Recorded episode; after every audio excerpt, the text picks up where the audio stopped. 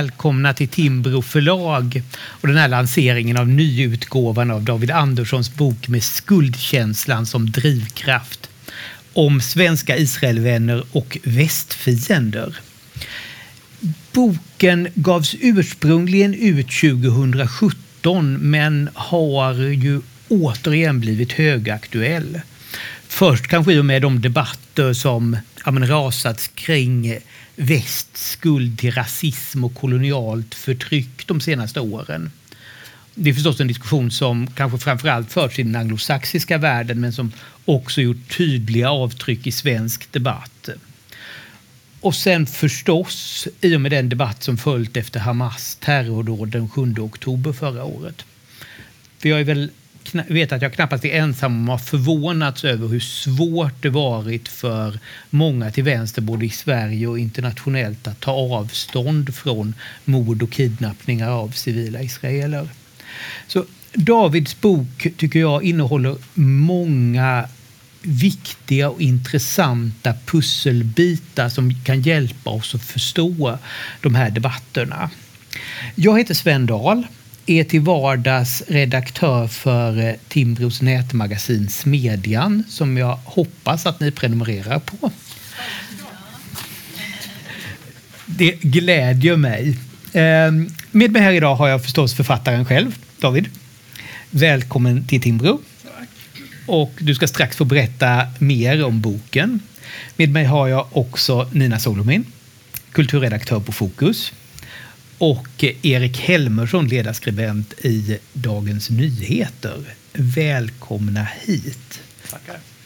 David, jag tänkte att vi skulle börja med att du lite kort får berätta om huvuddragen i boken och de konfliktlinjer som du egentligen beskriver från 50-tal och fram till, fram till idag.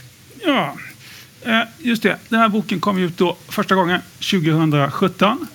Och det här kan man säga, den här nyutgåvan, den är i princip identisk med originalet. Eh, jag hittade något förligt skrivfel som jag rättade.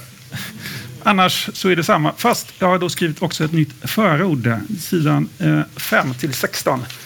Och där tar jag då upp några aktuella exempel på västfientlighet i debatten. Det handlar då om Hamas, eh, att man inte kan ta avstånd från Hamas, mord och kidnappningar. Det handlar om att man inte kan ta avstånd och hantera den antisemitism som vi har i Sverige, inte minst i Malmö. Det handlar om att man inte har kunnat försvara Lars Vilks yttrandefrihet. Och eh, i eh, debatten om Ryssland och Ukraina så var det också att vissa debattörer som liksom ville relativisera Rysslands brott och aggressivitet genom att säga att landet har blivit omringat av NATO-länder så därför måste de gå in i Ukraina. Och så och, alltså det som är gemensamt för de här eh, olika exemplen det är väl att, liksom en vilja att lägga skulden på väst till varje pris. Eh, och jag menar att den här mentaliteten den fick ett genombrott på 1960-talet i Sverige. Eh, och i den här boken då så jämför jag eh, världsbilden hos eh, typiska 60-talsskribenter som Jan Myrdal och Göran Palm med världsbilden hos en typisk liberal som Herbert Tingsten. Uh, så börjar hos Tingsten. Och hans eh, världsbild den eh, formades mycket under mellankrigstiden. Då eh, han delvis på plats i Italien, Tyskland, Spanien så såg han då demokratins kris i Europa och den eskalerande antisemitismen. Han skrev böcker om nazism och fascism. Och sen blev han då chefredaktör på Dagens Nyheter. Det var mellan 46 och 59. Och då skärpte han tidningens linje gentemot Sovjetunionen. Så att kampen mot Sovjetkommunismen var prioriterad för honom. Eh, så att man kan säga i hans världsbild då så är liksom konflikten demokrati kontra diktatur Eh, är den avgörande internationella stridsfrågan för honom. Om man då sen går fram till Göran Palm så ger han ut 1966 en uppmärksammad bok som heter En orättvis betraktelse. Och där hävdar han att det inte finns något sådant som demokrati. Det finns inga demokratier i världen. Det finns bara bra och dåliga diktaturer. Och när man då liksom har eliminerat den här konflikten demokrati-diktatur så blir istället huvudkonflikten för de här personerna, det blir den mellan väst och tredje världen. Och då gäller det att ta ställning för tredje världen och mot väst. Och då blir Maos Kina en förebild för en del intellektuella. Eh, Jan Myrdal åker till Kina, skriver rapport från en kinesisk by som blir internationellt uppmärksammad också. Liksom rapportboken blir en populär genre. Men han gör naturligtvis kinesiska regimens bild väldigt mycket. Likadant Olof Lagercrantz åker till Kina 1970 och skriver rosenskimrande artiklar i Dagens Nyheter. Och det faktum att Lagercrantz har efterträtt Tingsten som chefredaktör på DN det betyder ju naturligtvis väldigt mycket för att de här vänsteridéerna, de här vänsterpersonerna får det här genomslaget. Eh, om man tar Myrdal och Lagercrantz så jag känner mig främmande för deras världsbild, det framgår väl här. Eh, men jag kan beundra dem som stilister. De är skickliga författare, de har skrivit läsvärda texter. Jag menar, Lagercrantz om konsten att läsa och skriva är en pärla i svensk litteraturhistoria som ni bör läsa. Och jag tror att just den här stilistiska förmågan är viktig för att de får det här genomslaget. Och eh, debatten, den politiska debatten flyttar över mycket till kultursidorna under Lagercrantz ledning på ett sätt som den inte var tidigare. Eh, och det innebär att det blir färre kulturartiklar på kultursidorna. Eh, och det kan man säga, den tendensen har ju fortsatt sedan dess.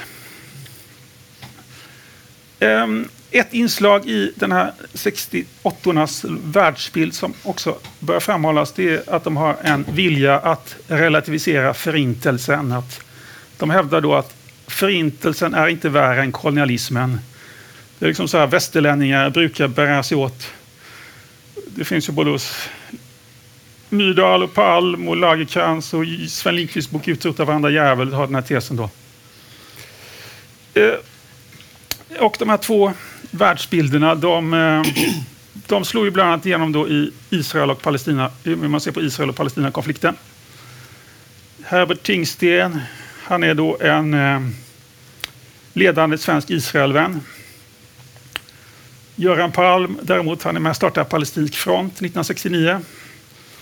Och det är en tidning som då finns som börjar sådär väldigt enkelt stencilformat, sen blir den lite mer layoutmässigt avancerad.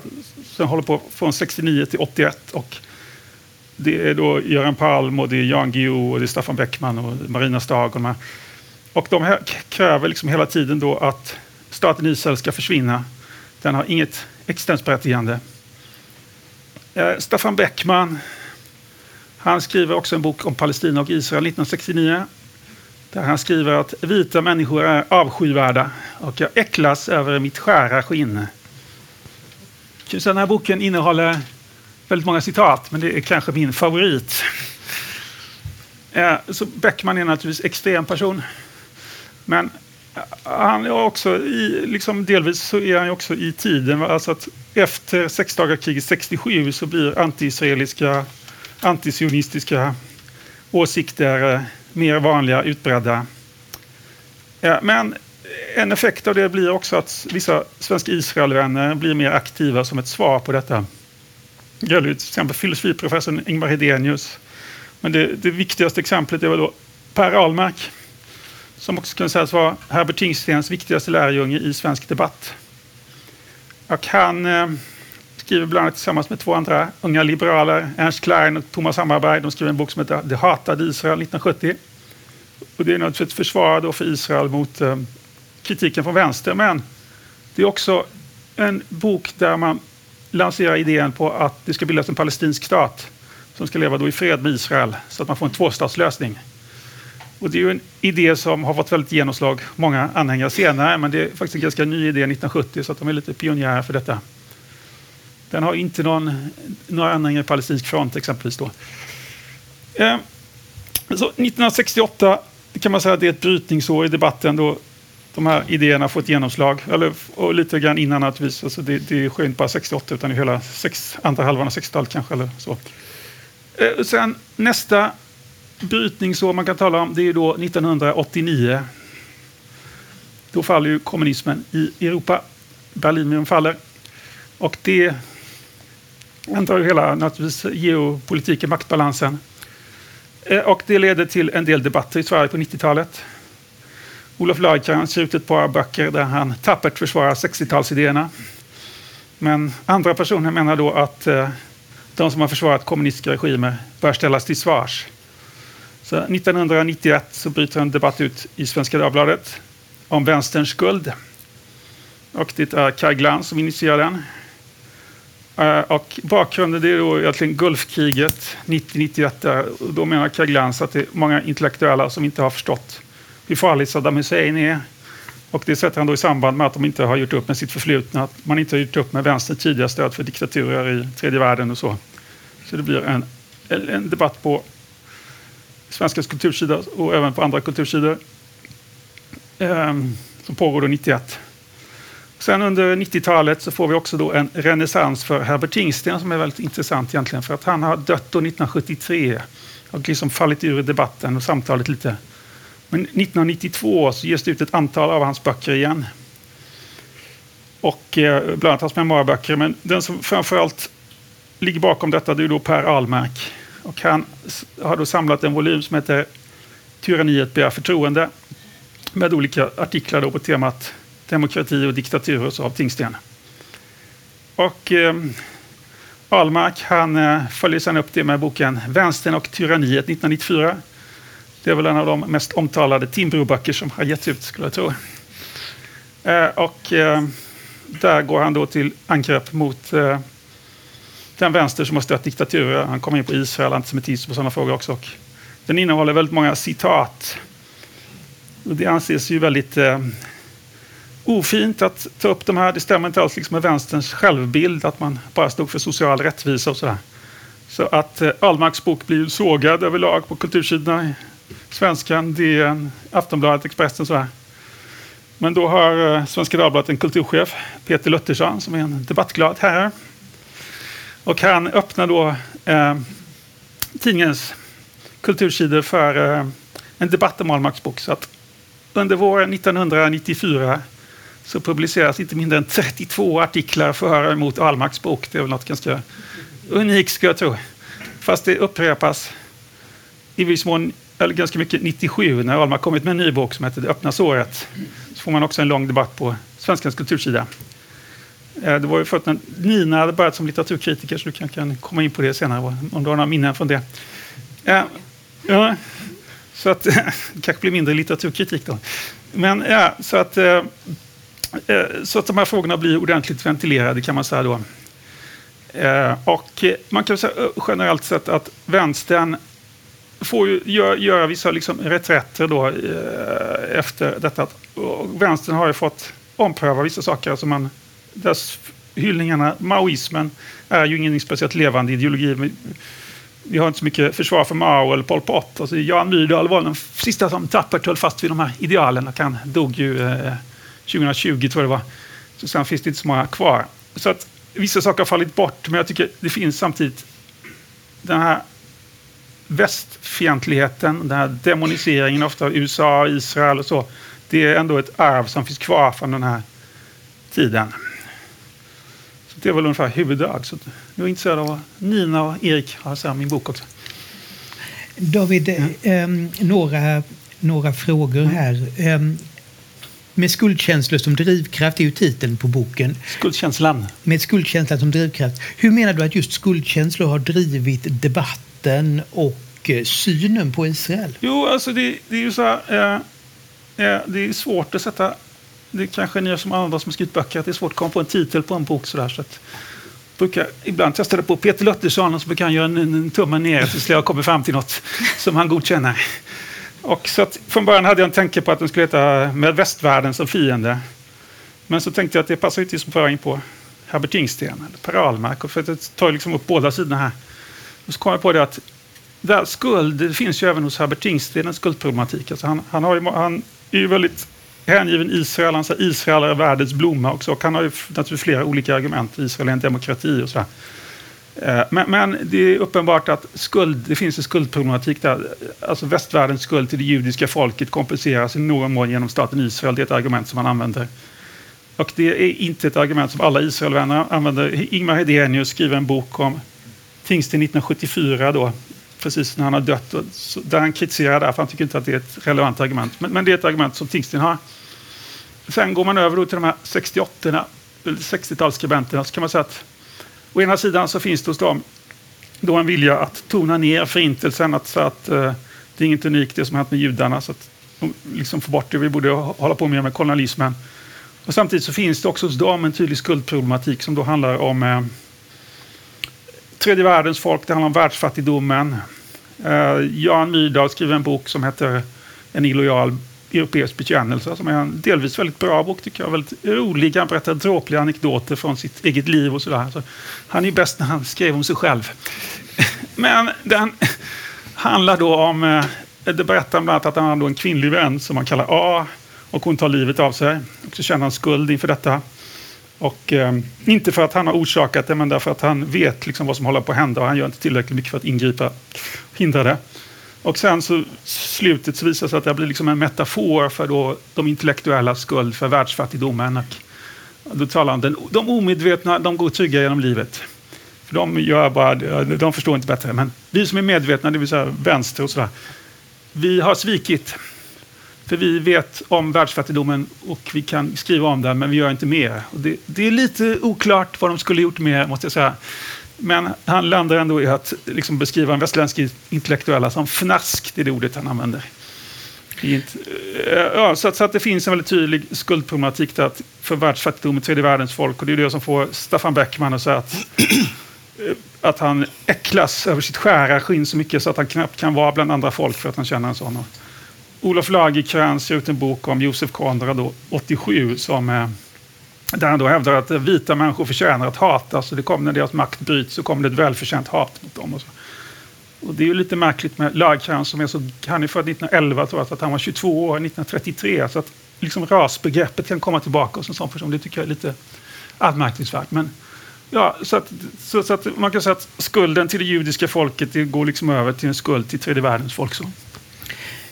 En sak som slår mig när jag, när jag läser den här boken är ju det enorma genomslaget som några av de här personerna, som Göran Palm, Jan Myrdal och Olof Lagerkrans får under den här perioden och att de i praktiken förändrar utgångspunkten både för debatten och faktiskt också en hel del praktisk politik. Du är själv inne på den stilistiska förmågan som en av anledningarna till, till att de får det här genomslaget. Men, men vad, vad är det som gör att, att ett antal då uppburna kulturpersonligheter verkligen får det här ja, men, policygenomslaget som det faktiskt handlar om i svensk utrikespolitik. Det är, ändå, mm. det är svårt att föreställa sig att någonting liknande skulle hända idag. Mm. Ja, men det är klart det är många saker. Det är klart att mediesituationen är annorlunda då. Mycket fler som läste DN då än vad som gör det. Jag läser Erik idag. Alltså. För att det fanns mycket liksom, färre alternativ. Många fler som kollade på samma kanaler. Så, så att fick man, så lyckades man liksom erövra kommandohöjderna där. Som, jag menar, läser man Herbert Tingstens memoarer så skriver han mycket om sin vänskap med Olof Lagercrantz och så. Det. Och när de här första del 1, del 2 och del 3 av memoarerna kommer ut så skriver uh, Olof Lagercrantz väldigt liksom, då har han blivit chefredaktör, han skriver väldigt eh, liksom, fjäskiga recensioner, eller hyllar de här böckerna.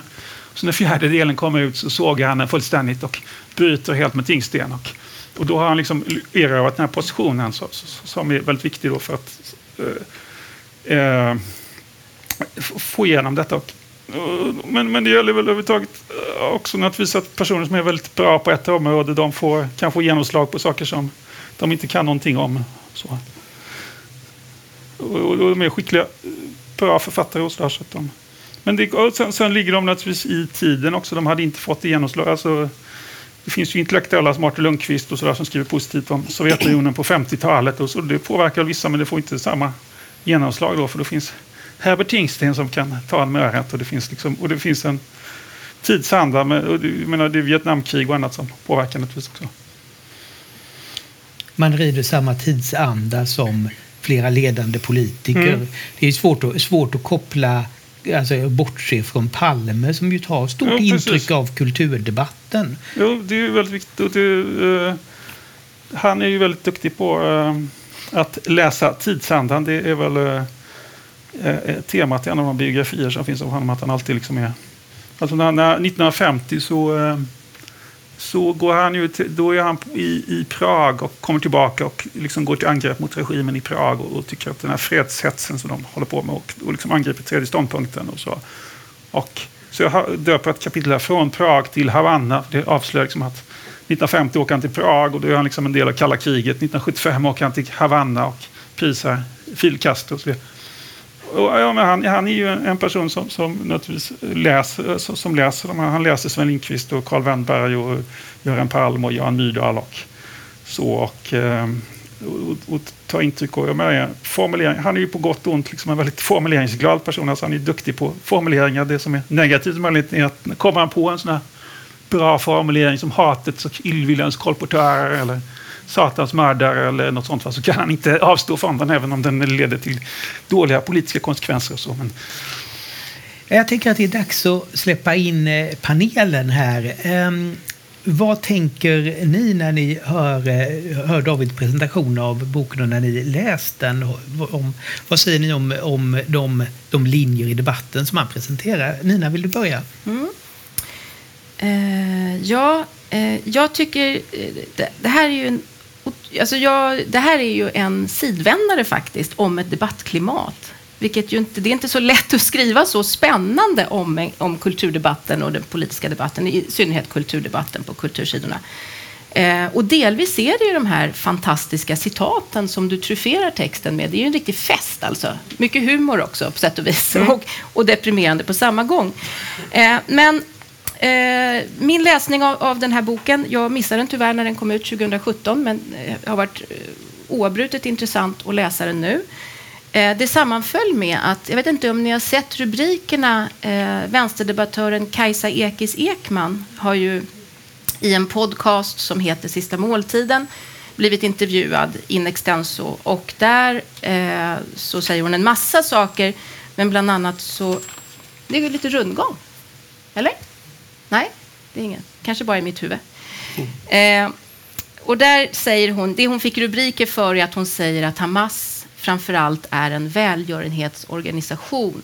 Och hon säger att när de här det, det är ett, ett, jag vet inte om ni känner till den här podcasten, men det är ett grabbgäng som många av dem har rötter i Mellanöstern och har egen erfarenhet av islamistiska regimer och den typen av liksom, diktaturer och vet ju mycket väl vad de går för. Men, eh, och då är det någon som dristar sig till att kalla Hamas för en terrororganisation.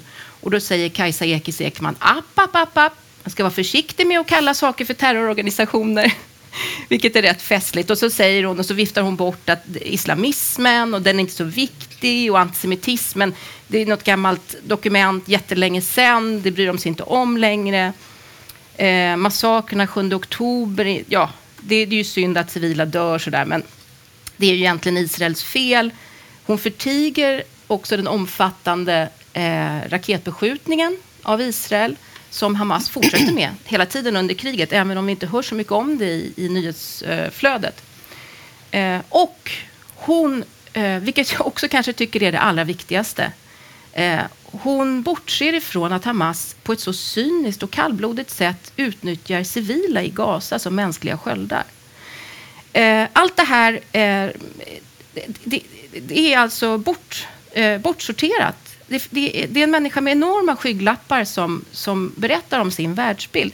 Och då, jag kände att det var ett sånt intressant eh, exempel på precis det här som David eh, tar upp i sin bok. Hur eh, den, eh, den skolan där man delar upp världen i, i förtryckare och förtryckta, alltså offer och förövare.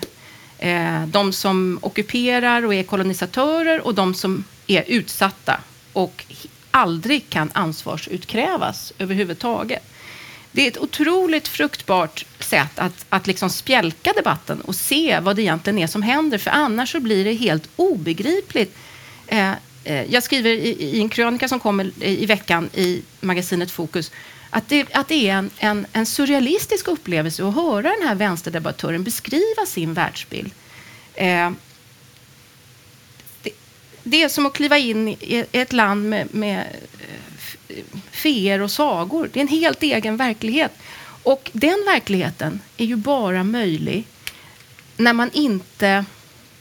När man har bestämt sig från början att det som är överordnat allt, det är just att det här, det finns liksom en modell. De, de är förtryckta och då rättfärdigar det allt. Och om jag får några minuter till, så, eller en i alla fall, så, så får det mig att associera till en, om jag får dra en anekdot. När jag var ung så eh, kom jag ut med en reportagebok, det här var 2005, om båtflyktingar i Europa. Det här var ju långt innan, alltså det var den första boken ska jag säga om detta i Sverige och, och kanske faktiskt i Europa.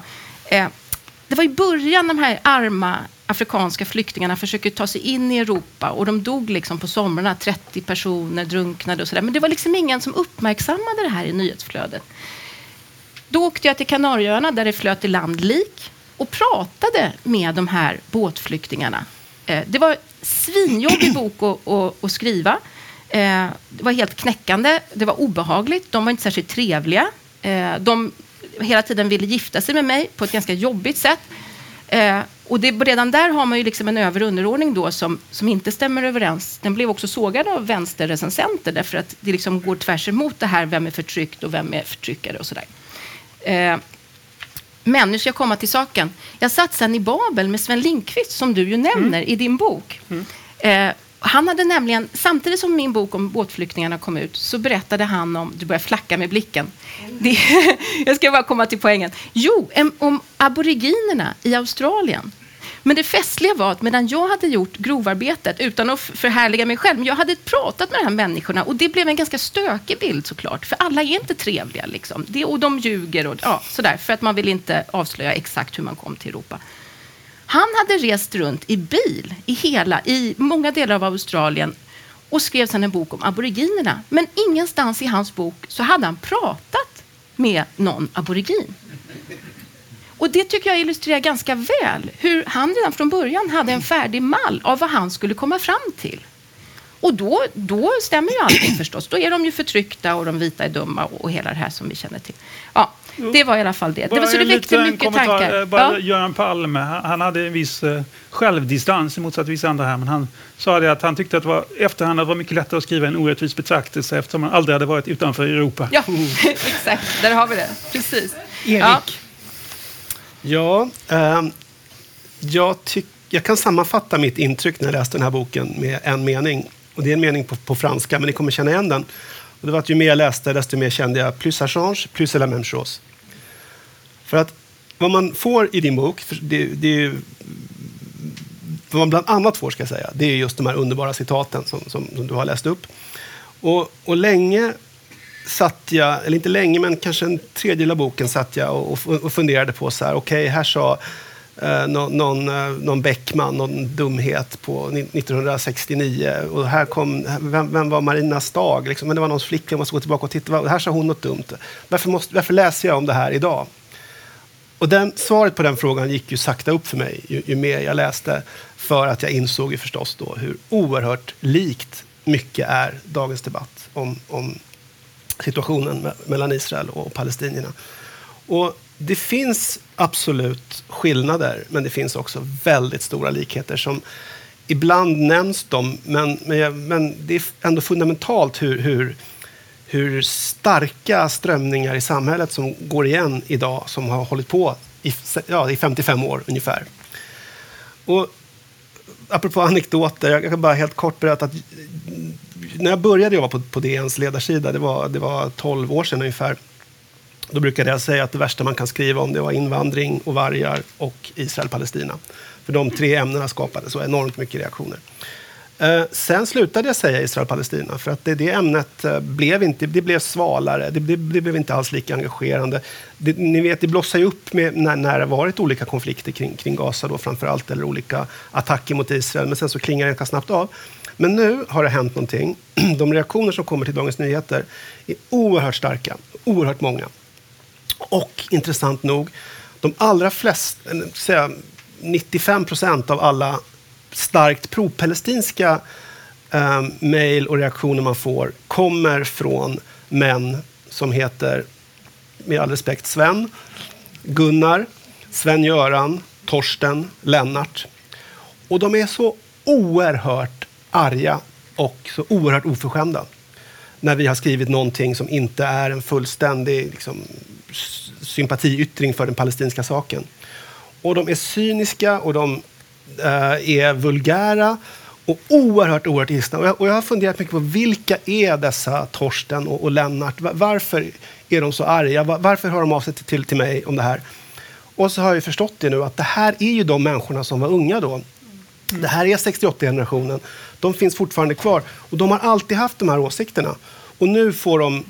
Eh, åsikterna får näring, de får ventilera dem och de återupplever den här gamla kampen när, när de satt där på Palestinagruppen med, med Jan Guillou och drack något bulgariskt rödvin och var skitarga och som fortfarande är den bästa stunden i deras liv. Nu, nu lever de upp igen och de här åsikterna finns verkligen så otroligt starkt.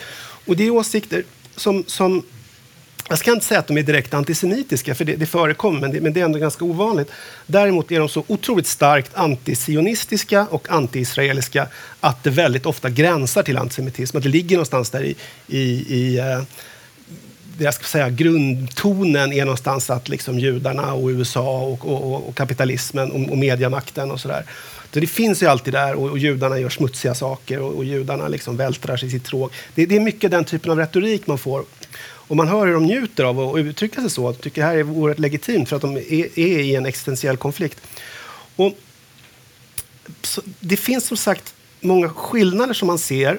Um, och en sak som jag tycker kanske är den största skillnaden som jag tänkte på, det är ändå att den här, den här starka vänstern som är starkt pro-palestinsk, den är ändå så marginaliserad idag jämfört med hur det var då. Det finns ingen Jan Myrdal idag som, som går ut och säger att Israel inte förtjänar att, att finnas och som har liksom tiotusentals supportrar som tycker att det här är toppen och som publiceras i alla stora tidningar.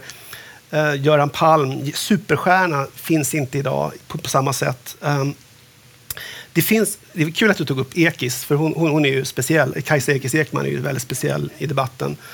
Um, och hon och, jag vet inte hur, hur välbekant den är med Andreas Malm, en oerhört stark vänsterröst, mm. som nu har gått ut och mer eller mindre sagt att det enda problemet med 7 oktober var att inte Hamas fortsatte och svepte bort hela Israel från kartan. Annars var det bara en toppenaktion av folklig vrede. De, det är liksom dagens Jan Myrdal och dagens Jan Guillou och de är så så marginaliserade jämfört med hur det var då. Däremot så finns det ju massa andra saker som, som, som man kan säga är värre idag och det är ju liksom den direkta direkta fysiska hotet mot, mot svenska judar och, och svenska liksom, pro-israeler som finns idag eh, med tanke på att det är liksom väldigt många palestinier som bor i Sverige, det är väldigt många människor som har starka sympatier för den palestinska saken som bor i Sverige. Så att det fysiska hotet kan jag säga, är, är mycket värre idag. Men däremot det här intellektuella momentumet som fanns då, det upplever jag inte alls på samma sätt. Eh, det är klart att alla människor inte går ut och jublar över, över Israel, men, men däremot så jag menar, hur ser riksdagen ut? Vi har en liksom klar majoritet av starkt Israelvänliga partier som, som är oerhört... Medan USA har gått längre åt att fördöma Israels krigföring än vad Sverige har gjort. Och det såg man inte komma för 40 år sedan, eller 30 år sedan. Så det finns ju också en väldigt, väldigt stark liksom, pro-israelisk stämning i Sverige där man ändå någonstans sympatiserar med Israel och framförallt Israels rätt att ex existera. Och man är mycket mer kritisk mot liksom, Hamas metoder. Är, man får verkligen skrapa långt för att hitta någon som går ut och, och uttrycker sympati för 7 oktober och terrordådet. Det behövde man inte göra på samma sätt, eh, upplever jag det, 1969. Så det är, en, det är en, tycker jag, en, en stor skillnad. Men likheterna, alltså, man skulle kunna ägna en helt, ett helt seminarium och bara räkna upp de här likheterna. Jag ska bara stanna vid, vid, några som jag tyckte var intressanta. Och det var hur du beskriver opinionen kring sexdagarskriget 1967 när, när eh, Israel gick till en sorts preemptive strike mot, mot sina arabiska grannar. Vilket fick eh, många i väst som tidigare hade varit väldigt, väldigt grundläggande sympatiskt inställda till Israel och Israels rätt att existera och Israels eh, unika position som demokrati i, i Mellanöstern, Israel som omgivet av starka fiender. De, den synen började skaka lite i, i grundvalarna och att även då så hade vi ganska, krit, liksom, ganska Israelvänliga människor som ändå började ta, ta, ta, ta avstånd från, från krigföringen och, och Israels ockupation av Västbanken och Gaza. Och det tycker jag man kan se nu också med Gazakriget, att, att vi har ändå Eh, många traditionellt Israelvänliga människor som faktiskt är kritiska till Israels krigföring, som är kritiska till, till hur civila har drabbats, som, som, mot att mot, mot att släppa in tillräckligt mycket hjälp till Gazas civila. Eh, Netanyahus retorik tar man avstånd ifrån. Men det finns ändå, i grunden så tycker man ändå att Israel har all rätt att försvara sig och all rätt framför allt att, att finnas som stat. Jag ska avsluta med ett citat som jag tyckte väldigt mycket om. För att, um, det var en lite oväntad person som dök upp mitt i alltihopa, nämligen Ola Ullsten, om ni kommer ihåg honom. Före detta folkpartiledare och utrikesminister. En, eh, statsminister. Statsminister också, ja. en kort tid kring 1979-8, ja, om jag inte minns fel. Ja, precis. Eh, han höll tal i, i Almedalen. Och då var han dåvarande utrikesminister efter invasionen av Libanon 1982. Så säger Ola Ullsten så här. Vi som med sympati följt och fortsätter följa Israels utveckling mot välstånd och demokrati och ett hemland för världens judar. Vi plågas av brutaliteten i den israeliska framfarten i Libanon.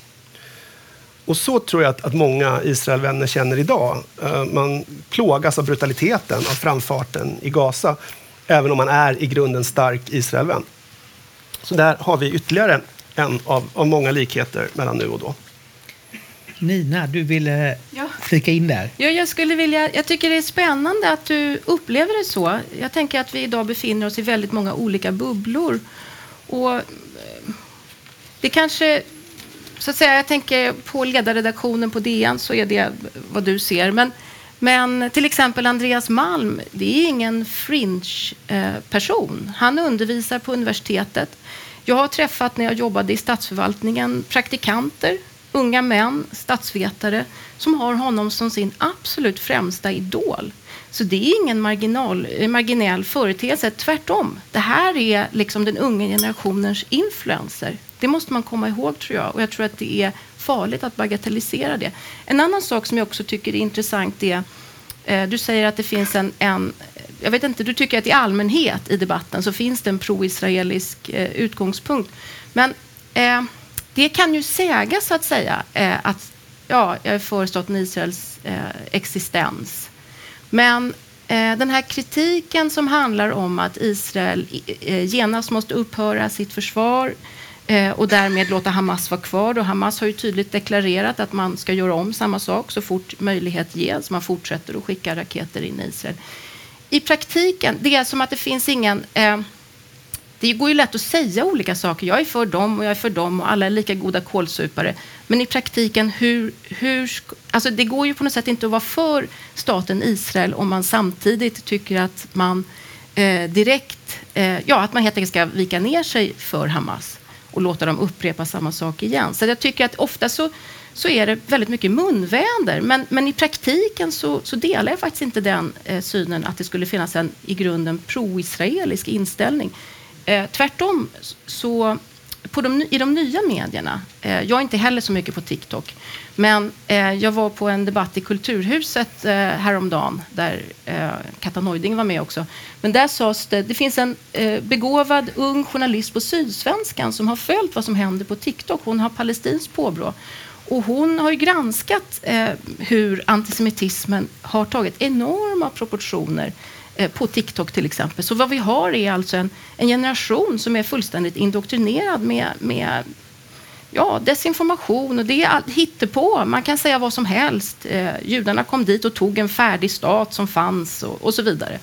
Så att jag, jag, tycker ändå inte att man riktigt, jag håller, jag, jag håller inte riktigt med om den bilden helt enkelt, att det skulle vara mainstream att, att det finns en i grunden pro-israelisk inställning? Nej, men man har ju ganska låg, låga krav på pro-israelisk inställning. Man säger att de accepterar att Israel finns eller att Israels rätt att existera. Då är man kanske inte pro-israelisk bara på en annan det så, ja, även Sten Andersson på sin tid sa att han var för en tvåstatslösning. Han sa till och med att han var Israelvän, vilket eh, alla förstod var retorik. Bara, så. Eh, Jan Guillou fanns ju inte bara på 60-talet. Han finns ju, även om han har fyllt, fyller 80 dagarna, så, så är han mycket mer inflytelserik än han var på, på 70-talet. satt han i fängelse. Nu sitter han på Sveriges största tidning och har jättestora upplagor och så.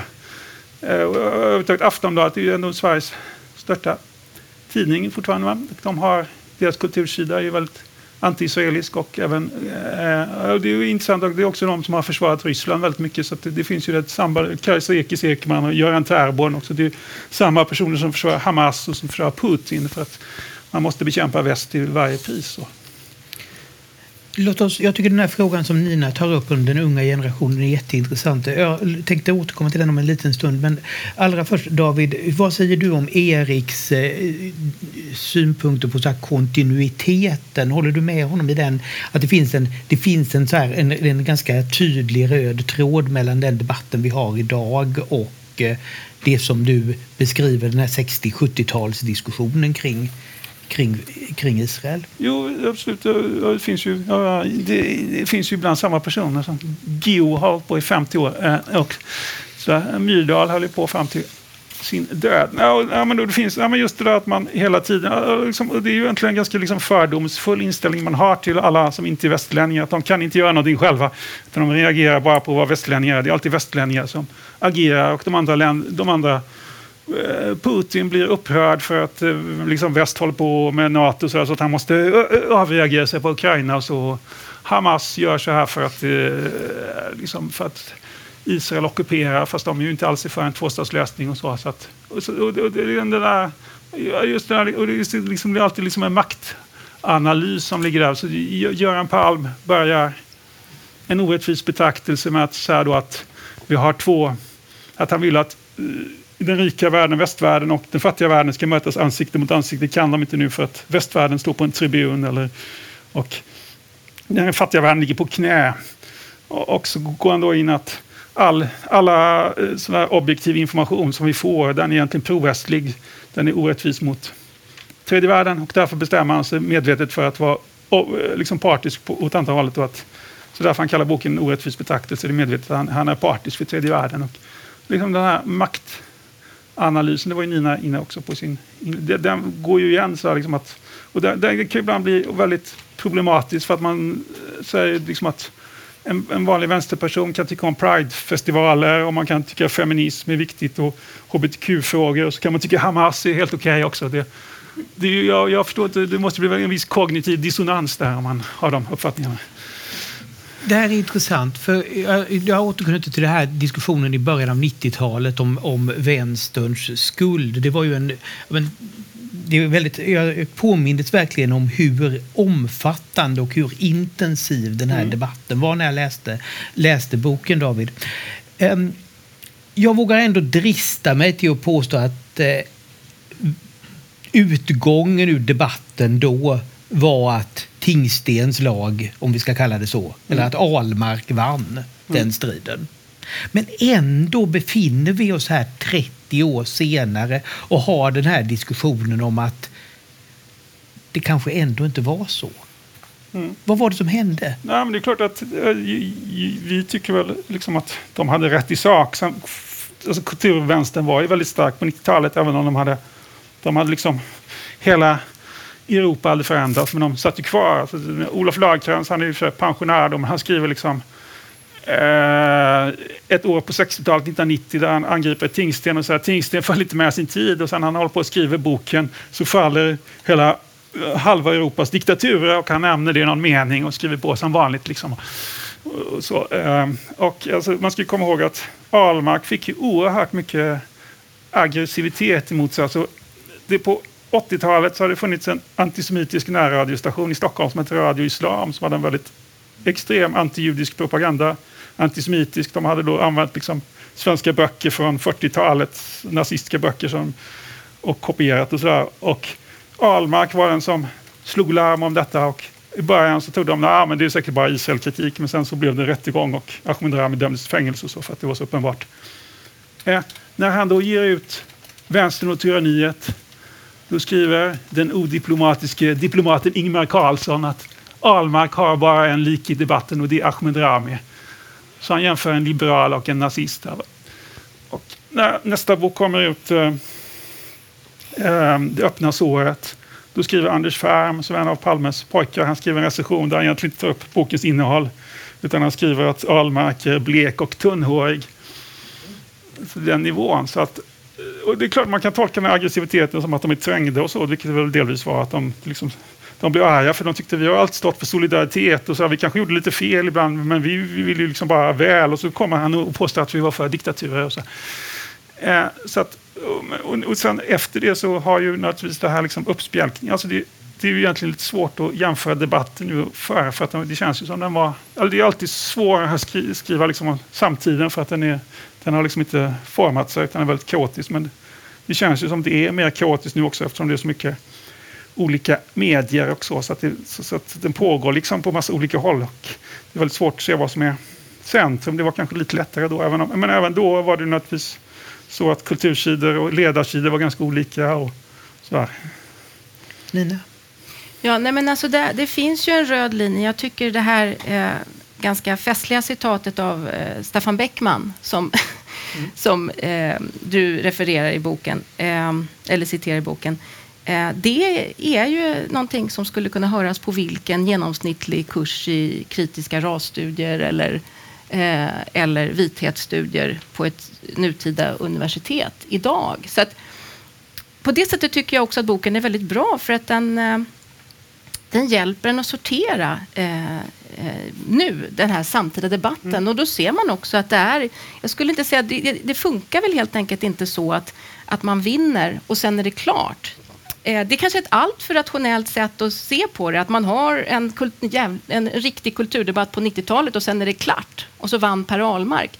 Utan eh, naturligtvis så, så, finns ju de här Sven-Göran och Göran och alla de här eh, finns ju fortfarande och, och eh, hyser väldigt starka känslor inför sin ungdomsideologi. Och, eh, jag skulle säga, jag har debatterat med sådana här Palestina, just eh, sådana här Göran, eh, som har varit i Palestinagrupperna. Vi ber om ursäkt till alla Göran i rummet. Ja.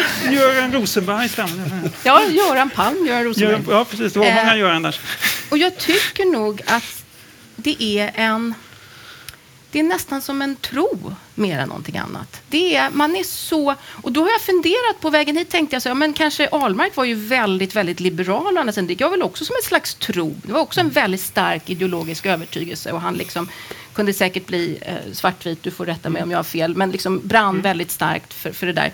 Men det är ju någonting i det liberala synsättet som ändå, där ingår det ju just det här flera röster ska få höras. Och det blir ju det som blir akilleshälen då.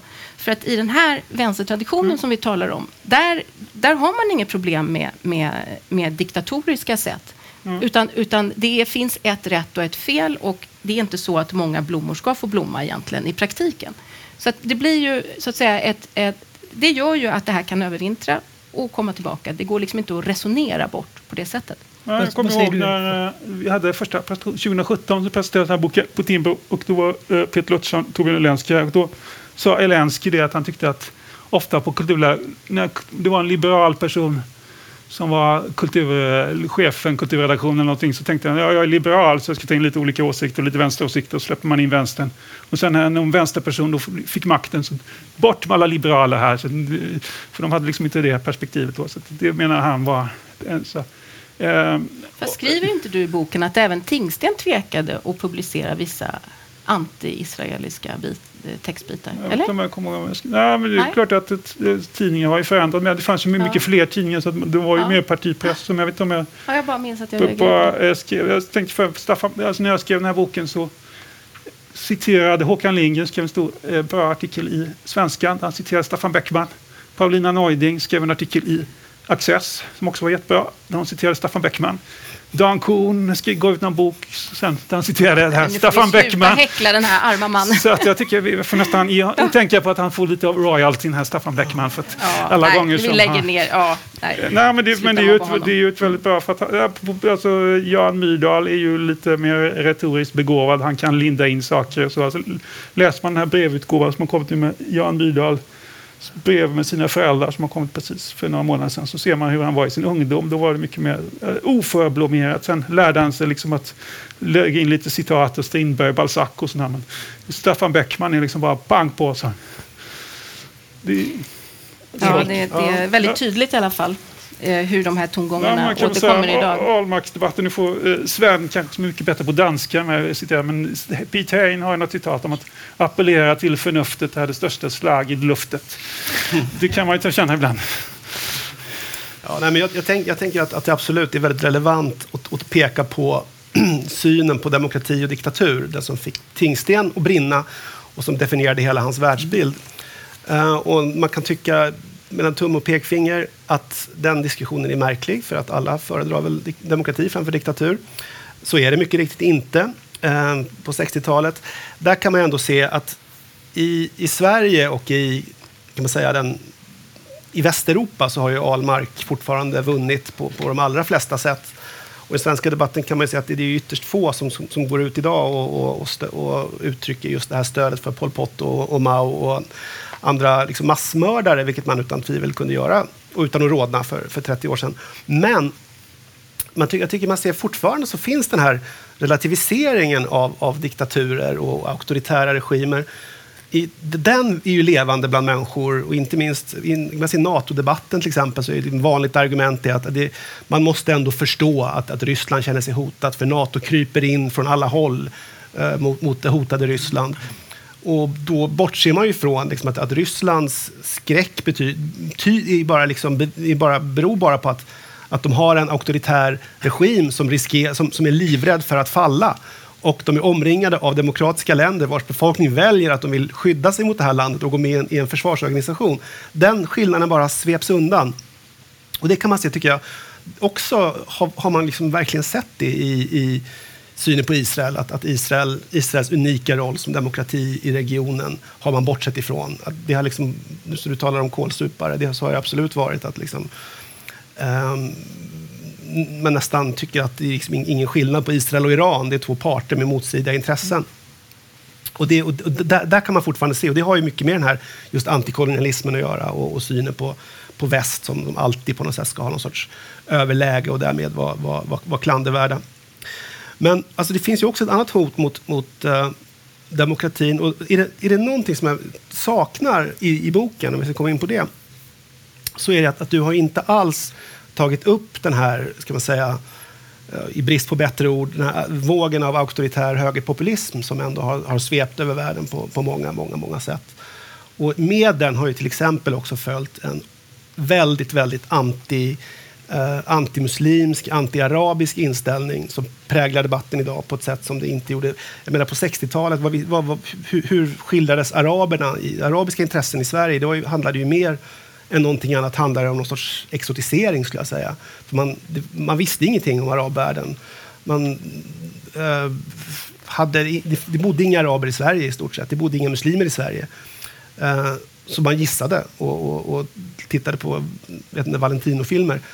Men, men däremot så, så, så, idag så har vi på något sätt mycket mer man konfronteras mycket mer med den konflikten i, i Sverige nu förstås. Och då, och då påverkar det eh, politiken. Och, och, det har ju mycket av debatten om, om också Israel-Gaza präglas ju också av en liksom, stark antiarabisk strömning i, i, i Sverige och i väst.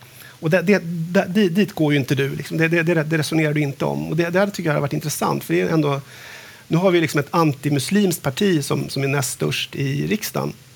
Och det är klart att, att det är en väldigt, väldigt enorm skillnad mot hur det var då. Då hade vi på något sätt ett, ett, ett Vänsterpartiet kommunisterna som var en stark maktfaktor i, i svensk politik under hela 70 och halva 80-talet.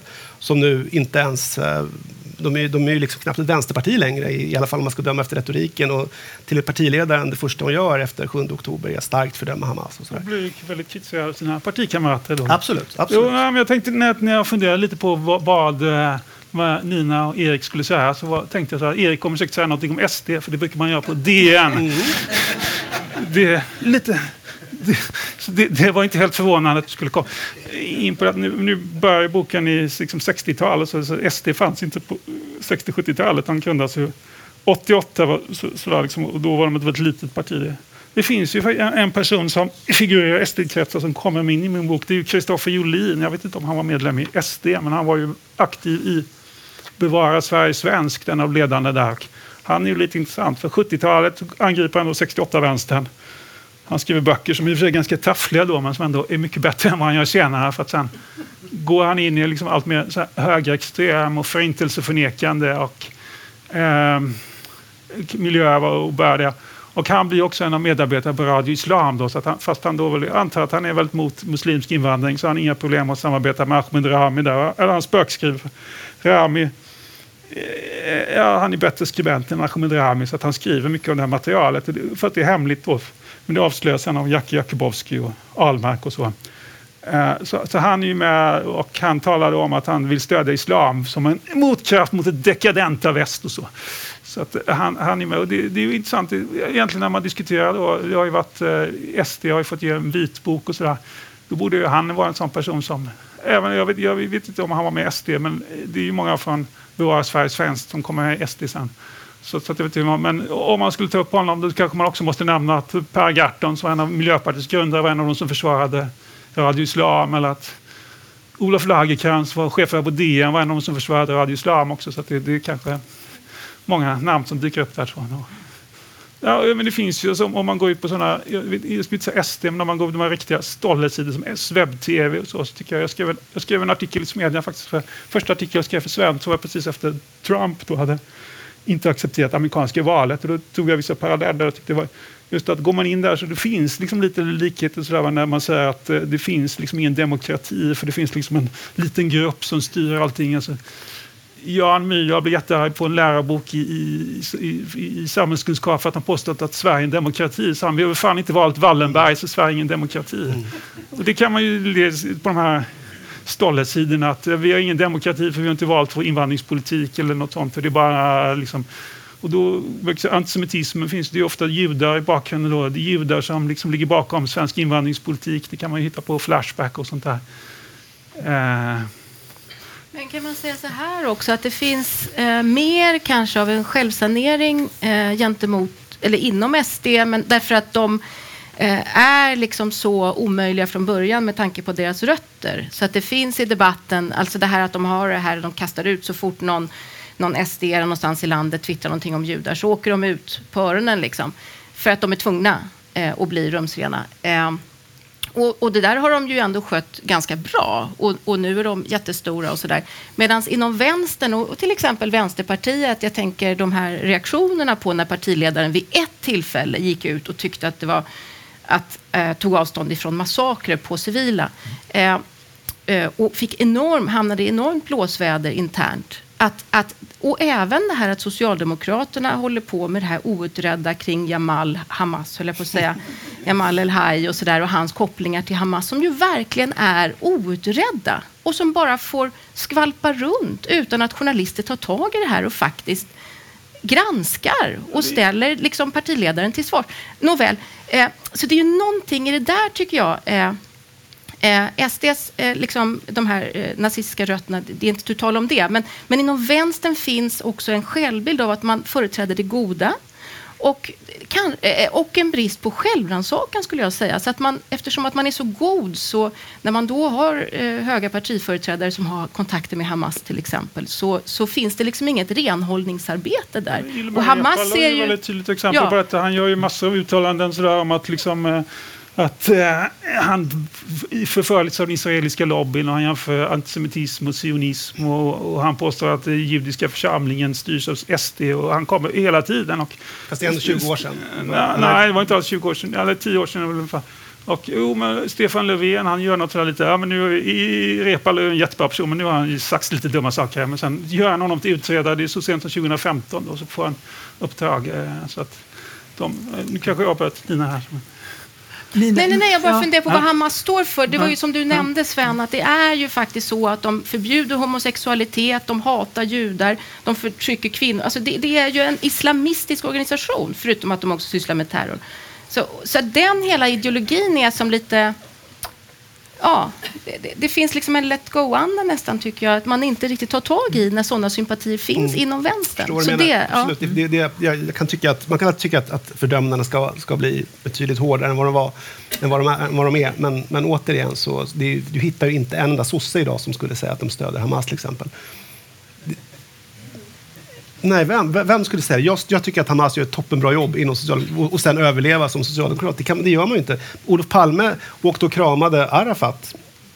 Idag så har vi Jamal. Tror inte du att det finns bland deras gräsrötter? Ingen aning, men det, du kommer ingen vart inom partiet om du går ut och säger att, att, du, att du tycker att det var bra med terrordådet. Men de har jag ju... tycker att Hamas är en rimlig organisation. Vilket Men. Jamal för El bara- har ju, har ju varit på konferens med, Ja, med han en sitter- Absolut, men Hamas-företrädare. nu, och nu sitter han i frysboxen. Han kommer förmodligen ryka. Och de håller på att utreda vad, vad var hans roll i konferensen. Om det visar sig att han på något sätt skulle vara inblandad i någonting konkret Hamas-aktion, han, han, han kommer inte överleva Tror två du att dagar. han kommer ryka? Om det visar sig att de, har, de hittar den här rykande pistolen i handen på honom, absolut. absolut. Men än så länge har han klarat sig för att han säger att, att han att, att, han, att, han, att han tar avstånd från liksom, deras terrorverksamhet och att han inte har... Har han varit sagt men, det här, men det här är en Ja. person... Nej, jag tycker det är intressant. Det är Nej, men det är för det är det mest kända exemplet, Vi diskuterar men- Mm. om en socialdemokrat i riksdagen eventuellt ska ryka eller inte för att han eventuellt haft samröre med Hamas. Och för, och för, och för Eventuellt. Han var 40 ju år sedan, ja, ja, han var på konferensen. Men för 40 år sedan så åkte Olof Palme och Sten Andersson och la ut röda mattor framför fötterna på Yassir Arafat. Så någonting har ju hänt. Jag ska, inte, jag, ska, jag ska vara den eh, tråkiga glädjedödaren här och säga att vi börjar positiv. få lite ont om tid här. Jag tycker den här frågan är jätteintressant och då har vi inte ens hunnit diskutera den här frågan om den unga generationen. Om är det så att universiteten producerar, att, eh, producerar en massa människor som lärt sig att betrakta världen ur ett här Göran Palm-perspektiv. Vilket i sig är en jätteintressant diskussion som jag tänkte mycket på när jag, när jag läste den här, den här boken. För att precis som Nina var inne på Nina var inne på i, i, ett, i ett av sina inlägg att det finns väldigt stora överlappningar i många av de, så här, de postkoloniala perspektiven som lärs ut på universitetet. De är helt mainstream i universitetsvärlden och det som de debattinlägg som David citerar i sin bok. Hur som helst, jag tänkte att vi skulle avrunda med en fråga och knyta an till det här med Tingsten och Per Ahlmark. Och eh, försöka avsluta lite positivt och med frågan så här. Vilka tycker ni bär Herbert Tingsten och Per Ahlmarks perspektiv i debatten idag? Vilka är de, vilka är de främsta arvtagarna idag i debatten? Jag nämnde fyra stycken här som jag då var eh, lärjungar till eh, Per Ahlmark framförallt då. Och det var, du eh, då nämnde jag Peter Wolodarski, Birgitta Olsson, Paulina Neuding och Dilsa Demirbakhsten. Och de, de skulle säkert inte vilja vara i samma rum, höll jag på att säga. Men, men jag nämnde dem inte för att de är de fyra bästa kanske, eller, eller det var liksom ingen värdering så, men därför att jag vet att alla de har haft Ahlmark som förebild. Och jag brukar prata med Per i telefon ibland så han ringde. Eh, och då, alltså, så att jag vet att det var fyra personer som hade kontakt med honom och direkt inspirerades eh, av honom. Så, det finns ju något andra man kan nämna också. Erik? Ja, alltså jag, jag funderar, jag, jag har inget riktigt bra svar tyvärr, för att det, det, det är så otroligt svårt att jämföra på det sättet. Um, så jag kan bara helt, bara, istället för att svara på frågan, ska jag, just när man pratar om Tingsten så finns det ett sånt underbart citat i, i din bok. Och det är ju Lars Gustafsson, vän till Timbro, som skriver om Tingstens uh, syn på Israel. Får jag läsa upp det? Hinner vi det? Ja, absolut. Det är Det är inte väldigt, jag håller med om att det är ett, Mm, det är det är helt fantastiskt. Är ett fantastiskt citat. Lars Gustafsson som själv konverterade till judendomen, han, han tycker ju att Herbert Tingsten är ju inte specie- speciellt intresserad av den religiösa aspekten av, av judendomen och judisk, den judiska staten. Och då säger han så här, Tingsten såg Israel som ett slags Västasiens Danmark. Religionen uppfattar han som ett störande inslag av bigotteri som hindrade honom att röka cigaretter i hotellens frukostrum på lördagar. Och han hoppas detta bigotteri snart ska övervinnas till förmån för något mera Lidingö-betonat. Och någonstans är det intressant, för man- fortfarande idag så pratar man ju väldigt, väldigt lite om religionens betydelse. Vi, vi kan ju inte prata om det i Sverige, vi är ju religiösa dyslektiker. Och så var det också tydligen redan på Tingstens tid. Tycker Får jag jag var bara intressant. säga Nina. superkort? Ja. Ja. så måste jag också då tillägga, det är ju en fröjd med alla de här citaten och de är ju väldigt inspirerande. Därför de är ju på varandra så otroligt. Vi säger att debattklimatet har blivit så hemskt, men det är ju otroligt ha, hetska och, men, men roliga angrepp samtidigt. Eh, så att, eh, det var inspirerande tycker jag. Att, att de gick så hårt åt varandra och att eh, liksom påminnas om detta. Lars Gustafsson var väl en av våra skickligaste, precis som Lagercrantz och eh, Myrdal så var han en av våra skickligaste stilister och han var ju den med absolut sämst faktakontroll av svenska författare. Så det bör man ju kanske ha med allting. Jag tänker att det här var en trevlig liten avslutning på det här samtalet. För som sagt, det här är en väldigt bra bok som David skrivit. Och en väldigt relevant och intressant bok som verkligen förtjänar att läsas och diskuteras vidare. Stort tack för att ni kom hit. Stort tack till panelen och stort tack David.